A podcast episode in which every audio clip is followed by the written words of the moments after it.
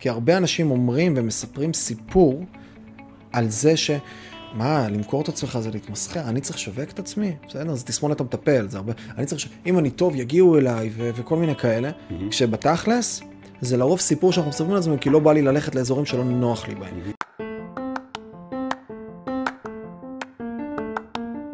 Premium Music Teacher Mindset, הפודקאסט הראשון בעולם שמוקדש כולו למורים למוזיקה שרוצים להתפתח לעסק פרימיום. איתי, עידו לדרמן. הקשבתי לאחד הפודקאסטים שלך, לדעתי אחד האחרונים בהם, שדיברת על ה-Emit Revisited, אוקיי, ספר שכמובן קראתי, אני מאוד מאוד uh, תומך בהמלצה שלך, דיברת שם על סימפטום האומן, נגעת בזה גם קודם.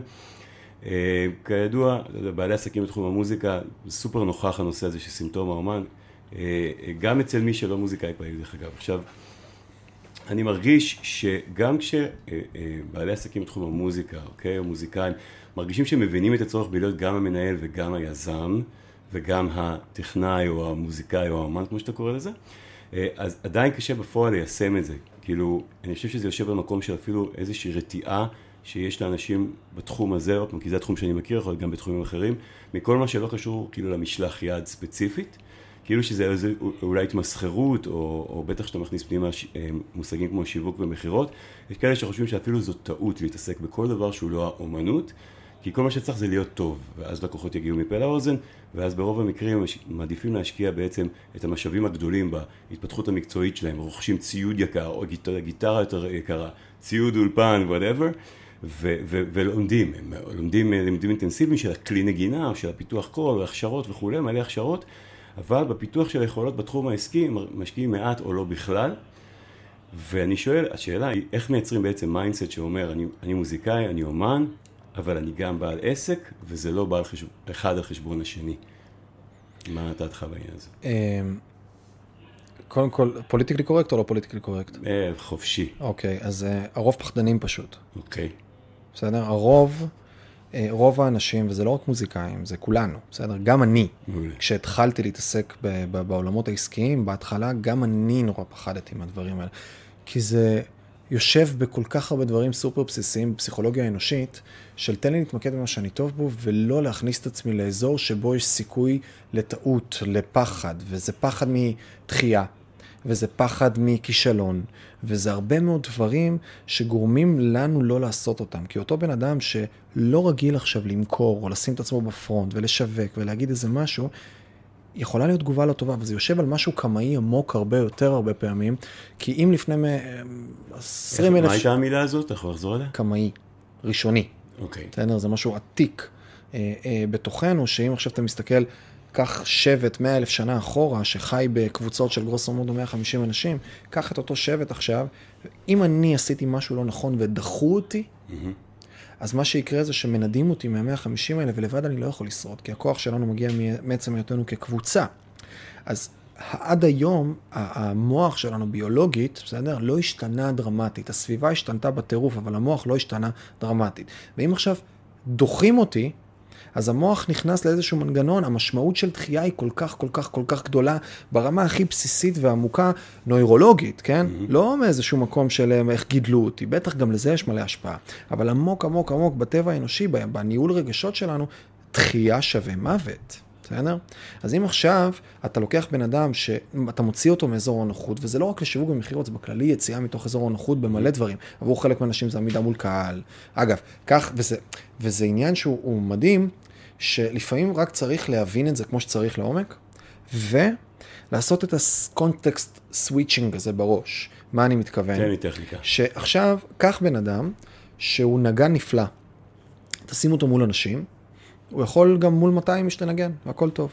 אבל קח את אותו בן אדם על 200 איש, ומול 200 איש, ועכשיו תגיד לו, תן איזה נאום. הוא יכול להיות גמור, להזיע, לפני שנייה לא שום דבר. עכשיו, הסיטואציה היא אותה סיטואציה.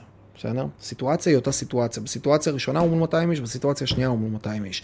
רק הסבירות לתחייה או לכישלון משתנה דרמטית, והוא יוצא מתוך אזור הנוחות בקראפט שלו. ואחד מהדברים שאני תמיד מסתכל עליהם, אני מאוד אוהב חשיפה הדרגתית. ככה אני גם פעם ראשונה עמדתי מול קהל. אה, בניתי הרצאה, עמדתי מול שני אנשים, שזה היה אז האקסי, אז הבת זוג שלי וחבר, אחר כך מול שישה אנשים שזה היו חברים, אחר כך מול 20 אנשים בעבודה, ועשיתי הרצאה פתוחה ובאו 30 אנשים, וזה היה כבר משהו שיותר עמוק. אז אחד המקום הזה של לייצר איזושהי חשיפה הדרגתית בכל דבר.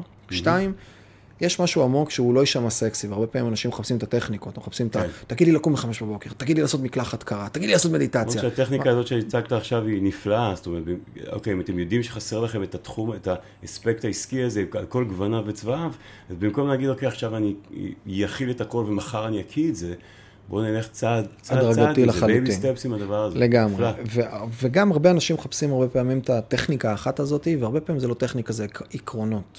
זה הוויה, זה הבנה של דברים.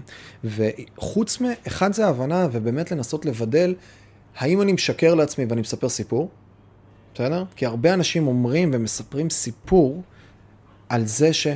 מה, למכור את עצמך זה להתמסחר, אני צריך לשווק את עצמי, בסדר? אז תסמונת המטפל, זה הרבה... אני צריך ש... אם אני טוב, יגיעו אליי ו... וכל מיני כאלה, Mm-hmm. כשבתכלס, זה לרוב סיפור שאנחנו מספרים לעצמנו, כי לא בא לי ללכת לאזורים שלא נוח לי בהם. Mm-hmm. אז קודם כל, זו שאלה שכל אחד צריך לשאול את עצמו, ולנסות לבדל בצורה אובייקטיבית ולהיות רסמי, דוגרי עם עצמנו, בסדר? ולשאול, רגע, האם אני אספר לעצמי סיפור? כי אני פשוט לא יודע להתמודד עם יציאה מאזור הנוחות, או שבאמת אני מאמין בזה, בסדר? וצריך להיות בן אדם מספיק מפותח, אינטליגנט רגשי, כדי באמת לדעת לבדל את זה. הרבה אנשים יכולים לשאול את עצמם, ולא באמת להרגיש שהם אה, מספרים לעצמם סיפור, למרות שהם כן. אז קודם כל, זה, זה נקודה אני חשובה. חייב להעיר משהו בנקודה הזאת, לפני שאני אשכח, שגם ה- גם לפעמים הסיפור הזה ש...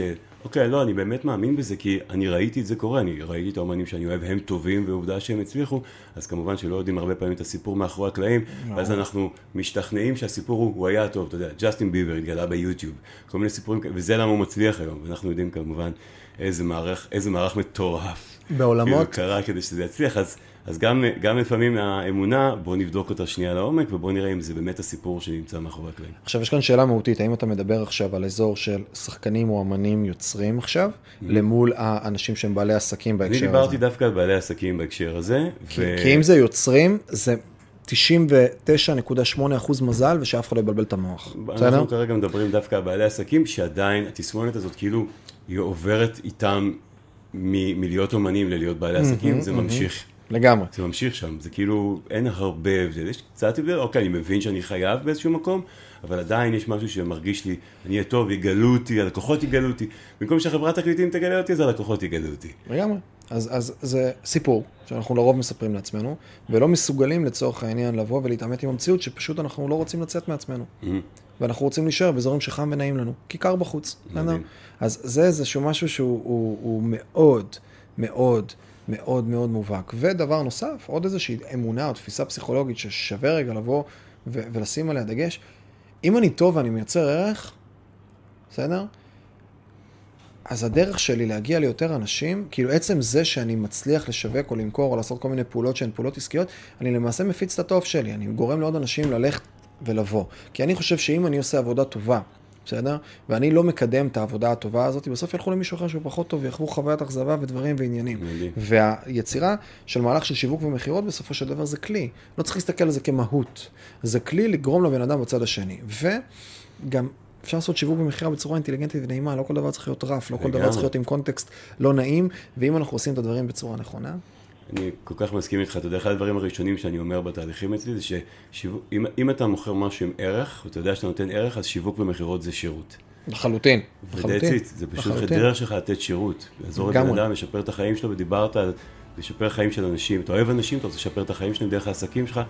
אני יודע שאתה עושה את זה ממקור ראשון, אז אה, לגמרי. זה גם הזדמנות להשחיל לך תודה בתוך הסיפור הזה.